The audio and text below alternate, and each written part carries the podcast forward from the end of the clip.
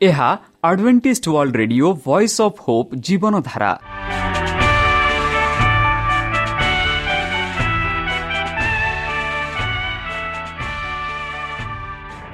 Odia radio କାର୍ଯ୍ୟକ୍ରମ ଯାହା ଆମର ଆନ୍ତର୍ଜାତୀୟ ଆଘାତ କେନ୍ଦ୍ରରୁ ପ୍ରସାରଣ କରାଯାଉଛି ପ୍ରତିଦିନ ରାତି ନଅଟା ତିରିଶ ମିନିଟ୍ରେ।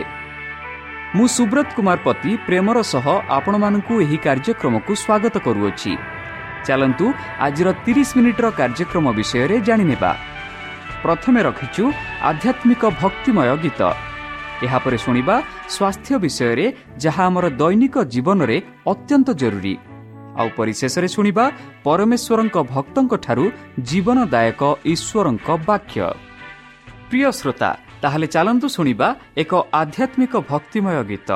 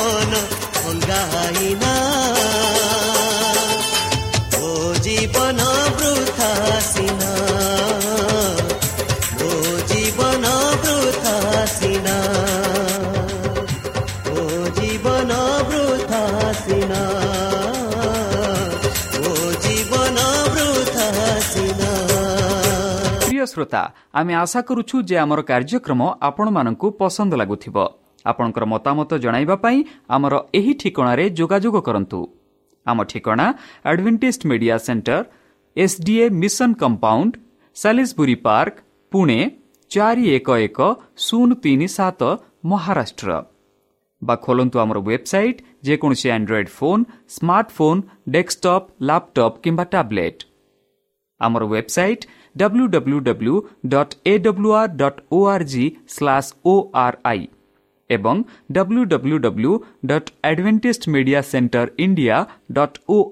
ବର୍ତ୍ତମାନ ଚାଲନ୍ତୁ ଶୁଣିବା ଈଶ୍ୱରଙ୍କ ଭକ୍ତଙ୍କଠାରୁ ଈଶ୍ୱରଙ୍କ ଜୀବନଦାୟକ ବାକ୍ୟ। ନମସ୍କାର ପ୍ରିୟ ଶ୍ରୋତା। ସେହି ସର୍ବଶକ୍ତି ସର୍ବଜ୍ଞାନୀ ପ୍ରେମର ସାଗର ଦୟାମୟ ଅନ୍ତର୍ଜମୀ ଅନୁଗ୍ରହ ପରମ ପିତାଙ୍କ ମଧୁର ନାମରେ ମୁଁ ପାଷ୍ଟେ ପୂର୍ଣ୍ଣଚନ୍ଦ୍ର ଆଉ ଥରେ ଆପଣମାନଙ୍କୁ ଏହି କାର୍ଯ୍ୟକ୍ରମରେ ସ୍ୱାଗତ କରୁଅଛି। ପ୍ରିୟ ଶ୍ରୋତା ସେହି ସର୍ବଶକ୍ତି ପରମେଶ୍ୱର ଆପଣମାନଙ୍କୁ ଆଶୀର୍ବାଦ କରନ୍ତୁ। ଆପଣଙ୍କୁ ସମସ୍ତ ପ୍ରକାର ଦୁଃଖ କଷ୍ଟ ବାଧା କ୍ଲେଶ ଓ ରୋଗରୁ ବିଶେଷ ଭାବରେ ବର୍ତ୍ତମାନ ଯେଉଁ କରୁଣା ମହାମାରୀ ସାରା ପୃଥିବୀକୁ ଆପନା ପ୍ରଭାବ ଦେଖାଉଅଛି ସେହି ପ୍ରଭାବରୁ ସେହି ପରମେଶ୍ୱର ଆପଣମାନଙ୍କୁ ସୁରକ୍ଷାରେ ରଖନ୍ତୁ। ତାହାଙ୍କ ପ୍ରେମ ତାହାଙ୍କ ସ୍ନେହ ତାହାଙ୍କ କୃପା ତାହାଙ୍କ ଅନୁଗ୍ରହ ସଦାସର୍ବଦା ଆପଣଙ୍କଠାରେ ସହବର୍ତ୍ତୀ ରହୁ। ପ୍ରିୟସତା ଚାଲନ୍ତୁ ଆଜି ଆମ୍ଭେମାନେ କିଛି ସମୟ ପବିତ୍ର ଶାସ୍ତ୍ର ବାଇବଲଠୁ ତାହାଙ୍କ ଜୀବନଦାୟକ ବାକ୍ୟ ଧ୍ୟାନ କରିବା। ଆଜିର ଆଲୋଚନା ହେଉଛି ଆପଣ ତାଙ୍କୁ କେଉଁଠାରେ ରଖିଛନ୍ତି? ବନ୍ଧୁ ଗତ ତିନି ଦିନ ଧରି ଆମେ ଲାଜର ବାର୍ଥା ଓ ମେରିଙ୍କ ବିଷୟରେ ଆଲୋଚନା କରୁଛୁ। ଚାଲନ୍ତୁ ଆଜି ତାହା ଅନ୍ତିମ କାହାଣୀ ଦେଖିବା। କିପରି ଲାଜର ସେହି ସଦାପ୍ରଭୁଙ୍କ ବାକ୍ୟ ଶୁଣି ଜୀବନ୍ତ ହେଲେ। କୁହାଯାଇଛି ତେଣୁ ଯୀଶୁ ଯେତେବେଳେ କାନ୍ଦୁଥିବା ଥିବାର ଦେଖିଲେ ଏବଂ ଯେଉଁଦୀମାନେ ମଧ୍ୟ ତାଙ୍କ ସହିତ ଆସୁଥିବା କାନ୍ଦୁଥିବାର ଦେଖିଲେ ସେ ଆତ୍ମାରେ କ୍ରନ୍ଧନ କଲେ ଏବଂ ବିବ୍ରତ ହେଲେ। ସେ ଏକତ୍ରିତ ହୋଇଥିବା ସମସ୍ତଙ୍କ ହୃଦୟ ପଢ଼ିଥିଲେ।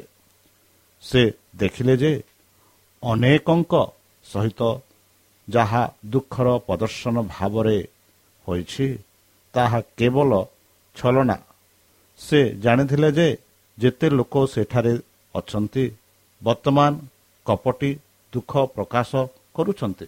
କେବଳ ଶକ୍ତିଶାଳୀ ଚମତ୍କାର କର୍ମକୁ ନୁହେଁ ମୃତ୍ୟୁରୁ ପୁନରୁଦ୍ଧିତ ହେବାର ମୃତ୍ୟୁ ପାଇଁ ଯୋଜନା କରିବେ। ଖ୍ରୀଷ୍ଟ ସେମାନଙ୍କଠାରୁ ସେମାନଙ୍କର ଦୁଃଖର ପୋଷାକ ଛଡ଼ାଇ ନେଇଥାନ୍ତେ କିନ୍ତୁ ସେ ତାଙ୍କର ଧାର୍ମିକ କ୍ରୋଧକୁ ବାରଣ କଲେ। ସେ ସମସ୍ତ ସତ୍ୟରେ କହିଥାଇ ପାରନ୍ତି ସେ କହିନାହାନ୍ତି। କାରଣ ପ୍ରିୟ ବ୍ୟକ୍ତି ଦୁଃଖରେ ତାଙ୍କ ପାଦ ତଳେ ଆଣ୍ଠୁ ମାଡ଼ି ବସିଥିଲେ। ଯିଏ ପ୍ରକୃତିରେ ତାଙ୍କୁ ବିଶ୍ୱାସ କରୁଥିଲେ। ଆପଣ ତାଙ୍କୁ କେଉଁଠାରେ ରଖିଛନ୍ତି? ସେ ପଚାରିଲେ ପ୍ରଭୁ ଆସ ଦେଖ। ସେମାନେ ଏକତ୍ରିତ କବରକୁ ଗଲେ। ଏହା ଏକ ଶୋକଜନକ ଦୃଶ୍ୟ ଥିଲା। ଲାଜାର ବହୁତ ପ୍ରିୟ ଥିଲେ। ଏବଂ ତାଙ୍କ ଭଉଣୀମାନେ ହୃଦୟ ଭାଙ୍ଗି ତାଙ୍କ ପାଇଁ କାନ୍ଦୁଥିଲେ। ଯେଉଁମାନେ ତାଙ୍କର ବନ୍ଧୁ ଥିଲେ ସେମାନେ ଶୋକଗ୍ରସ୍ତ ଭଉଣୀମାନଙ୍କ ସହିତ ସେମାନଙ୍କ ଲୁହକୁ ମିଶ୍ରିତ କରିଥିଲେ। ଏହି ମାନବୀୟ ଦୁଃଖକୁ ଦୃଷ୍ଟିରେ ରଖି ଏବଂ ଦୁଃଖୀ ବନ୍ଧୁମାନେ ମୃତ୍ୟୁମାନଙ୍କ ଉପରେ ଶୋକ କରିପାରନ୍ତି ଯେତେବେଳେ ଜଗତର ତ୍ରାଣକର୍ତ୍ତା ଠିଆ ହୋଇଥିଲେ ଯୀଶୁ କାନ୍ଦିଲେ ଯଦିଓ ସେ ଈଶ୍ୱରଙ୍କ ପୁତ୍ର ଥିଲେ ତଥାପି ସେ ତାଙ୍କ ଉପରେ ମାନବ ପ୍ରକୃତି ଗ୍ରହଣ କରିଥିଲେ ଏବଂ ସେ ମାନବୀୟ ଦୁଃଖ ଦ୍ୱାରା ପ୍ରଭାବିତ ହୋଇଥିଲେ। ତାଙ୍କର କୋମଳ ଦୟାଳୁ ହୃଦୟ ଦୁଃଖ ଦ୍ୱାରା ସହାନୁଭୂତି ପାଇଁ ସର୍ବଦା ଜାଗ୍ରତ ହୁଏ। ସେ କାନ୍ଦୁଥିବା ଲୋକମାନଙ୍କ ସହିତ କାନ୍ଦନ୍ତି ଏବଂ ଯେଉଁମାନେ ଆନନ୍ଦ କରନ୍ତି ସେମାନଙ୍କ ସହିତ ଆନନ୍ଦ କରନ୍ତି। ବନ୍ଧୁ କିନ୍ତୁ କେବଳ ମରିୟମ ଏବଂ ମାର୍ଥାଙ୍କ ପ୍ରତି ତାଙ୍କର ମାନବୀୟ ସହନାଭୂତି ହେତୁ ଯୀଶୁ କାନ୍ଦିଲେ। ତାଙ୍କ ଲୁହରେ ମନୁଷ୍ୟର ଦୁଃଖ ଠାରୁ ଅଧିକ ଦୁଃଖ ଥିଲା। ଯେପରି ଆକାଶ ପୃଥିବୀରୁ ଉଚ୍ଚ ଅଟେ ପୃଷ୍ଠ ଲାଜର ପାଇଁ କାନ୍ଦିଲେ ନାହିଁ କାରଣ ସେ କବରରୁ ତାଙ୍କୁ ଡାକିବାକୁ ଯାଉଥିଲେ। ସେ କାନ୍ଦିଲେ କାରଣ ବର୍ତ୍ତମାନ ଲାଜାରଜଙ୍କ ପାଇଁ ଶୋକ କରୁଥିବା ଅନେକ ଲୋକ ଶୀଘ୍ର ପୁନର୍ଜ୍ଞାନ ଓ ଜୀବନ ବିଷୟରେ ଯୋଜନା କରିବେ। କିନ୍ତୁ ଅବିଶ୍ୱାସୀ ଯେଉଁଦୀମାନେ ତାଙ୍କ ଲୁହକୁ ବ୍ୟାଖ୍ୟା କରିବାରେ କେତେ ଅସମର୍ଥ ଥିଲେ। କେତେକ ଯେଉଁମାନେ ତାଙ୍କ ଦୁଃଖର କାରଣ ଭାବରେ ତାଙ୍କ ସମ୍ମୁଖରେ ଥିବା ଦୃଶ୍ୟର ବାହ୍ୟ ପରିସ୍ଥିତି ଛଡ଼ା ଆଉ କିଛି ଦେଖିପାରିଲେ ନାହିଁ। ନରମ ଭାବରେ କହିଲା ଦେଖ ସେ କିପରି ତାଙ୍କୁ ଭଲ ପାଉଥିଲେ। ଅବିଶ୍ୱାସର ବୀଜକୁ ଉପସ୍ଥିତ ଲୋକଙ୍କ ହୃଦୟରେ ପକାଇବାକୁ ଚେଷ୍ଟା କରୁଥିବା ଅନ୍ୟମାନେ ଉପହାସ କରି କହିଥିଲେ ଦୃଷ୍ଟିହୀନଙ୍କ ଆଖି ଖୋଲିଥିବା ଏହି ବ୍ୟକ୍ତି ଜନକ ଏପରି କରିପାରିବେ ନାହିଁ ଯେ ଏହି ବ୍ୟକ୍ତି ମଧ୍ୟ ମରି ନଥାନ୍ତେ। ଯଦିଓ ଏହା ଲାଜାରସଙ୍କୁ ବଞ୍ଚାଇବା ପାଇଁ କୃଷ୍ଣଙ୍କ ଶକ୍ତିରେ ଥିଲା ତେବେ ସେ କାହିଁକି ତାଙ୍କୁ ମରିବାକୁ ଦେଲେ? ଏହିପରି ଅନେକ ପ୍ରଶ୍ନ କରୁଥିଲେ। ଭବିଷ୍ୟତ ଭକ୍ତା ଆଖିରେ ଖ୍ରୀଷ୍ଟ ଫାରୁସି ଓ ସାଧୁକୀମାନଙ୍କ ଶତ୍ରୁତା ଦେଖିଲେ। ସେ ଜାଣିଥିଲେ ଯେ ସେମାନେ ତାଙ୍କ ମୃତ୍ୟୁ ବିଷୟରେ ଯୋଜନା କରୁଛନ୍ତି। ସେ ଜାଣିଥିଲେ ଯେ ବର୍ତ୍ତମାନ ସେମାନଙ୍କ ମଧ୍ୟରୁ କେତେକ ସହାନୁଭୂତି ଶୀଘ୍ର ଆଶା ଦ୍ୱାରା ଏବଂ ଈଶ୍ୱରଙ୍କ ନଗର ଦ୍ୱାର ବନ୍ଦ କରିବେ। ତାଙ୍କର ଅପମାନ ଏବଂ କୃଷବିଧରେ ଏକ ଦୃଶ୍ୟ ଘଟିବାକୁ ଯାଉଥିଲା ଯାହା ଦ୍ୱାରା ଜେରୁସାଲମ ଧ୍ୱଂସ ହେବ ଏବଂ ସେହି ସମୟରେ କେହି ମୃତ୍ୟୁମାନଙ୍କ ପାଇଁ ବିଲାପ କରିବେ ନାହିଁ। ଜେରୁସାଲମ ଉପରେ ଆସୁଥିବା ପ୍ରତିଶୋଧ ତାଙ୍କ ଆଗରେ ଶ୍ରେଷ୍ଠ ଭାବରେ ଚିତ୍ରିତ ହୋଇଥିଲା। ସେ ଦେଖିଲେ ଜେରୁସାଲମ ରୋମିଓ ସୈନ୍ୟମାନଙ୍କ ଦ୍ୱାରା ଘେରି ରହିଛି। ସେ ଜାଣିଥିଲେ ଯେ ବର୍ତ୍ତମାନ ଲାଜର ପାଇଁ କାନ୍ଦୁଥିବା ଅନେକ ଲୋକ ସହରର ଅବରୋଧର ମରିଯିବେ ଏବଂ ସେମାନଙ୍କ ମୃତ୍ୟୁରେ କୌଣସି ଭରସା ରହିବ ନାହିଁ। ବନ୍ଧୁ କେବଳ ତାଙ୍କ ଆଗରେ ଥିବା ଦୃଶ୍ୟ ହେତୁ ଖ୍ରୀଷ୍ଟ କାନ୍ଦୁଥିଲେ। ଯୁଗର ଦୁଃଖର ଭାର ତାଙ୍କ ଉପରେ ଥିଲା। ସେ ଈଶ୍ୱରଙ୍କ ନିୟମର ଉଲ୍ଲଙ୍ଘନର ଉଭୟଙ୍କ ପ୍ରଭାବ ଦେଇ ଦେଖିଥିଲେ। ସେ ଦେଖିଲେ ଯେ ଜଗତର ଇତିହାସରେ ହାବେଲଙ୍କ ମୃତ୍ୟୁଠାରୁ ଆରମ୍ଭ କରି ଭଲ ଏବଂ ମନ୍ଦ ମଧ୍ୟରେ ବିବାଦ ନିରନ୍ତର ହୋଇ ଆସୁଅଛି। ଆଗାମୀ ବର୍ଷ ଗୁଡ଼ିକ ଦେଖିଲେ ସେ ଦୁଃଖ ଏବଂ ଦୁର୍ଦ୍ଦଶା ଲୁହ ଏବଂ ମୃତ୍ୟୁକୁ ଦେଖିଲେ। ଯାହା ଅନେକ ଲୋକ ହେବେ। ତାଙ୍କ ହୃଦୟ ସବୁ ବୟସର ସଥା ସମସ୍ତ ଦେଶରେ ମାନବ ପରିବାରର ଯନ୍ତ୍ରଣା ଦ୍ୱାରା ବିଧ ହୋଇଥିଲା ପାପି ଜାତିରୁ ଦୁଃଖ ତାଙ୍କ ଆତ୍ମା ଉପରେ ଭାରି ଥିଲା ଏବଂ ସେ ସେମାନଙ୍କ ସମସ୍ତ ଦୁଃଖ ଦୂର କରିବାକୁ ଇଚ୍ଛା କରୁଥିଲେ। ବେଲେ ତାଙ୍କ ଲୁହର ଲୁହ ଝରୁଥିଲା। ତେଣୁ ଯୀଶୁ ପୁନର୍ବାର କ୍ରନ୍ଧନ କବରକୁ ଆସିଲେ। ଲାଜାରସଙ୍କୁ ଏକ ପଥରରେ ଗୁମ୍ଫାରେ ରଖାଯାଇଥିଲା ଏବଂ ପ୍ରବେଶ ପଥରରେ ଏକ ବିରାଟ ପଥର ରଖାଯାଇଥିଲା। ଖ୍ରୀଷ୍ଟ କହିଲେ ପଥରଟିକୁ କାଢ଼ିଦିଅ ସେ କେବଳ ମୃତ୍ୟୁମାନଙ୍କୁ ଦେଖିବା ପାଇଁ ଇଚ୍ଛା କରୁଥିବା ଭାବି ମାର୍ଥା ଆପତ୍ତି କରି କହିଛନ୍ତି ଯେ ମୃତ୍ୟୁ ଦେହକୁ ଚାରିଦିନ ପ୍ରତି ଦିଆଯାଇଛି ଏବଂ ଦୁର୍ନୀତି ଏହାର କାର୍ଯ୍ୟ ଆରମ୍ଭ କରିସାରିଛି। ରାଜାରସଙ୍କ ପୁନରୁତ୍ଥାନ ପୂର୍ବରୁ ଦିଆଯାଇଥିବା ଏହି ବିବୃତ୍ତି ଖ୍ରୀଷ୍ଟଙ୍କ ଶତ୍ରୁମାନଙ୍କ ପାଇଁ ଏକ ପ୍ରତାରଣା ଅଭ୍ୟାସ କରିବାକୁ କୌଣସି ସ୍ଥାନ ଛାଡ଼ିନଥିଲା ଅତିଥିରେ ଫାରୁସିମାନେ ଈଶ୍ୱରଙ୍କ ଶକ୍ତି ଚମତ୍କାର ପ୍ରଦର୍ଶନ ବିଷୟରେ ମିଥ୍ୟା ବିବୃତ୍ତି ପ୍ରଚାର କରୁଥିଲେ। ଯେତେବେଳେ ଖ୍ରୀଷ୍ଟ ଜସ୍ର ଝିଅକୁ ପୁନରୁଦ୍ଧିତ କଲେ ସେତେବେଳେ ସେ କହିଥିଲେ ଝିଅଟି ମରିନାହିଁ କିନ୍ତୁ ସେ ଶୋଇଛନ୍ତି।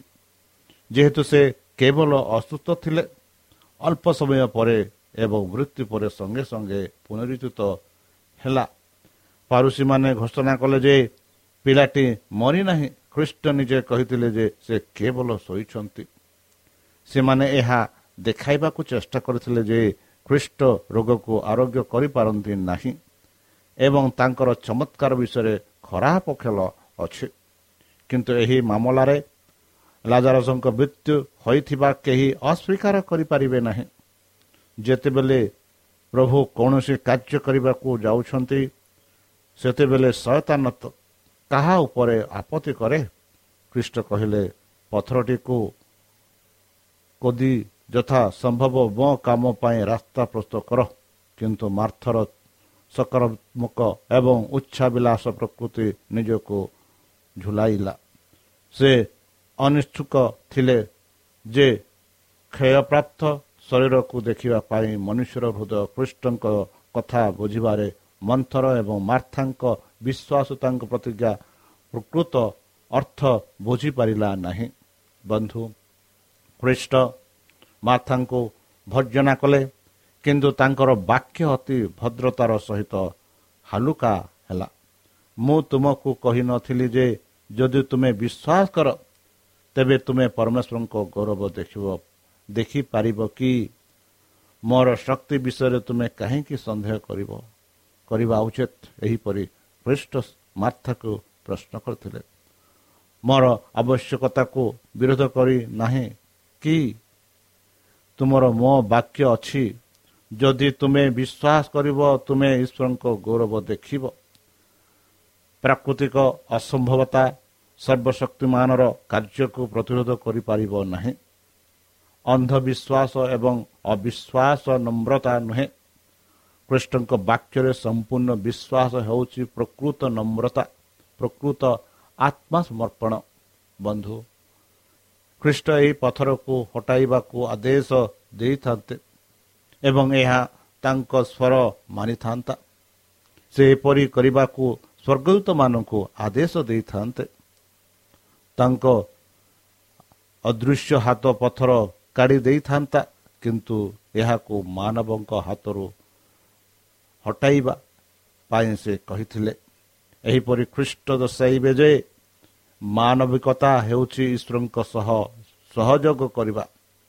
ମଣିଷ ଶକ୍ତି ଯାହା ଈଶ୍ୱରୀ ଶକ୍ତିକୁ କରିପାରିବ ତାହା କରିବାକୁ ଡକାଇ ନାହାନ୍ତି। ମନୁଷ୍ୟର ସାହାଯ୍ୟରେ ଈଶ୍ୱର ବିତରଣ କରନ୍ତି। ନାହିଁ। ତାଙ୍କୁ ଦିଆଯାଇଥିବା ଶକ୍ତି ଏବଂ ସାମର୍ଥ୍ୟକୁ ବ୍ୟବହାର କରୁଥିବାରୁ ସେ ତାଙ୍କୁ ଶକ୍ତିଶାଳୀ କରନ୍ତି। ବନ୍ଧୁ ଆଦେଶ ପାଳନ କରାଯାଏ ପଥରଟି ଗଡ଼ି ଯାଉଛି ବା ପଥରଟି ସେହିଠୁ କଢ଼ାଯାଇଛି ସବୁକିଛି ଖୋଲା ଏବଂ ଜାଣିଶୁଣି କରାଯାଇଥାଏ। ସମସ୍ତଙ୍କୁ ଦେଖିବାର ସୁଯୋଗ ଦିଆଯାଏ ଯେକୌଣସି ପ୍ରତାରଣା ଅଭ୍ୟାସ କରାଯାଏ ନାହିଁ। ଲାଜାରର ଶବ ତାର ପଥର କବରରେ ଅଛି। ଶୀତଳ ଏବଂ ମୃତ୍ୟୁରେ ନିରବ। ଶୋକର ଛାୟା କାନ୍ଦୁଛି। ଆଶ୍ଚର୍ଯ୍ୟ ଏବଂ ଆଶକର୍ମୀ କମ୍ପାନୀ କବର ପାଖରେ ଠିଆ ଛିଡ଼ା ହୋଇଛି। କ'ଣ ଅନୁସରଣ କରିବାକୁ ଅପେକ୍ଷା କରୁଛି? ଶାନ୍ତ ଖ୍ରୀଷ୍ଟ କବର ସମ୍ମୁଖରେ ଠିଆ ହୋଇଛନ୍ତି। ଏକ ପବିତ୍ର ସମାରୋହ ଉପସ୍ଥିତି ସମସ୍ତଙ୍କ ଉପରେ ନିର୍ଭର କରେ। ଖ୍ରୀଷ୍ଟ କବରର ନିକଟରେ ହୁଅନ୍ତି। ସେ ସ୍ୱର୍ଗକୁ ଆଖି ଉଠାଇ କହନ୍ତି ପିତା ମୁଁ ତୁମକୁ ଧନ୍ୟବାଦ ଦେଉଛି ଯେ ତୁମେ ମୋ କଥା ଶୁଣିଛ।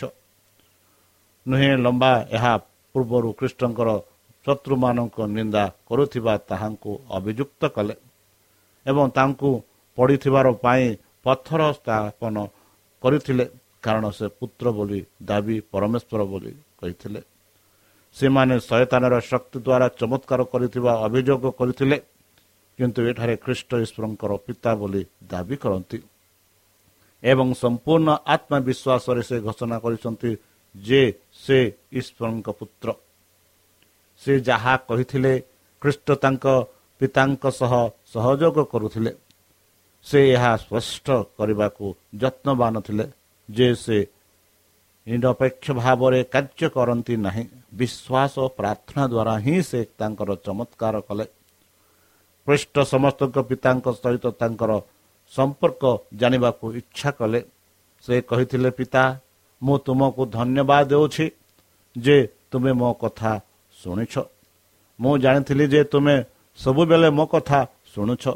ଏଠାରେ ଶିଷ୍ୟ ଏବଂ ଲୋକମାନଙ୍କୁ ଖ୍ରୀଷ୍ଟ ଏବଂ ଈଶ୍ୱରଙ୍କ ମଧ୍ୟରେ ଥିବା ସମ୍ପର୍କ ବିଷୟରେ ଅଧିକ ବିଶ୍ୱାସ ଯୋଗ୍ୟ ପ୍ରମାଣ ଦିଆଯାଉଥିଲା।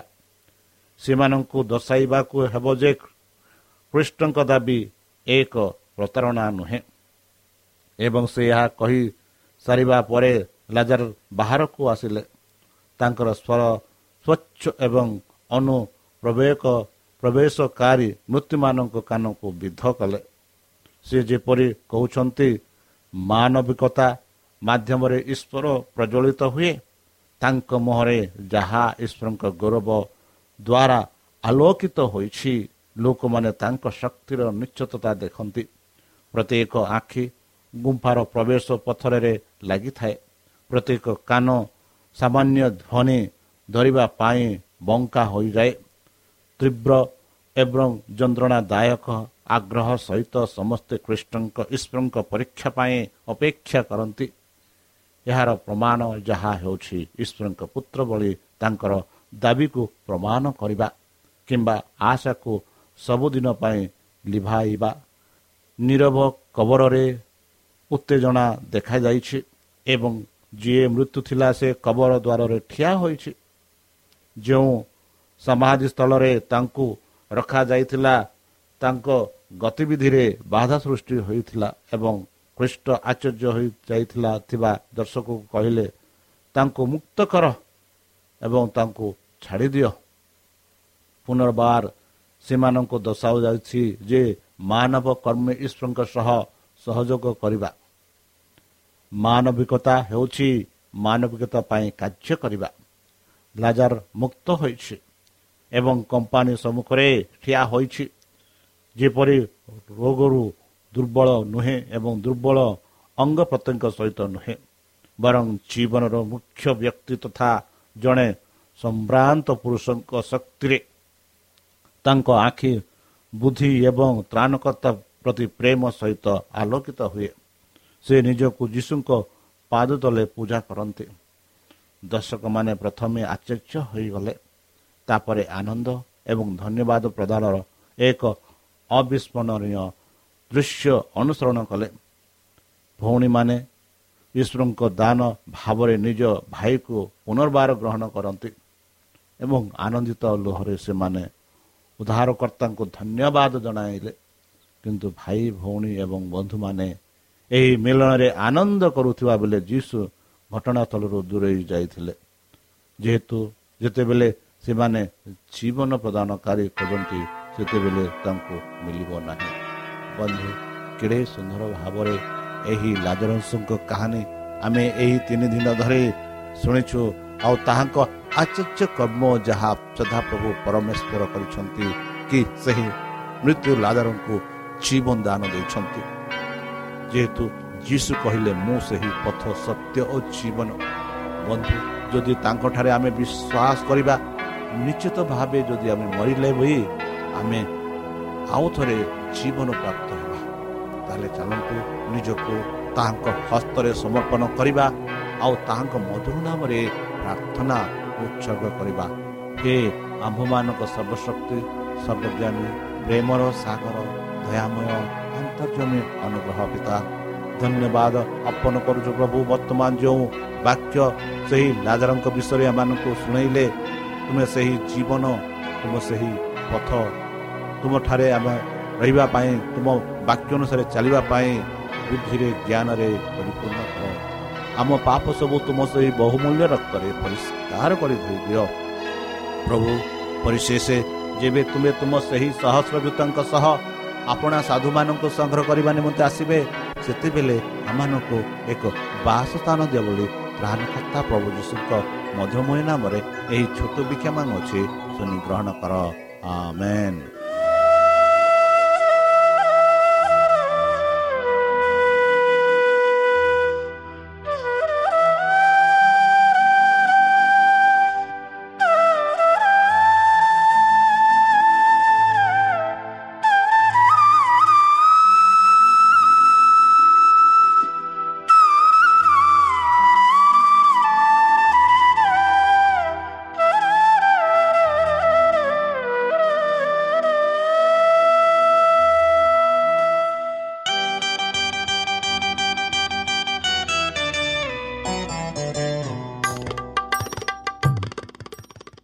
প্রিয় শ্রোতা আমি আশা করুছু যে আমার কার্যক্রম ଆପଣମାନଙ୍କୁ ପସନ୍ଦ ଲାଗୁଥିବ ଆପଣଙ୍କର ମତାମତ ଜଣାଇବା ପାଇଁ ଆମର ଏହି ଠିକଣାରେ ଯୋଗାଯୋଗ କରନ୍ତୁ ଆମ ଠିକଣା Adventist media centre SDA mission compound Salisbury park Pune ଚାରି ଏକ ଏକ ଶୂନ ତିନି ସାତ ମହାରାଷ୍ଟ୍ର ବା ଖୋଲନ୍ତୁ ଆମର ୱେବସାଇଟ୍ ଯେକୌଣସି android phone smartphone desktop laptop କିମ୍ବା ଟ୍ୟାବ୍ଲେଟ୍ ଆମର ୱେବସାଇଟ୍ www.awr.org ଓଆର୍ଜି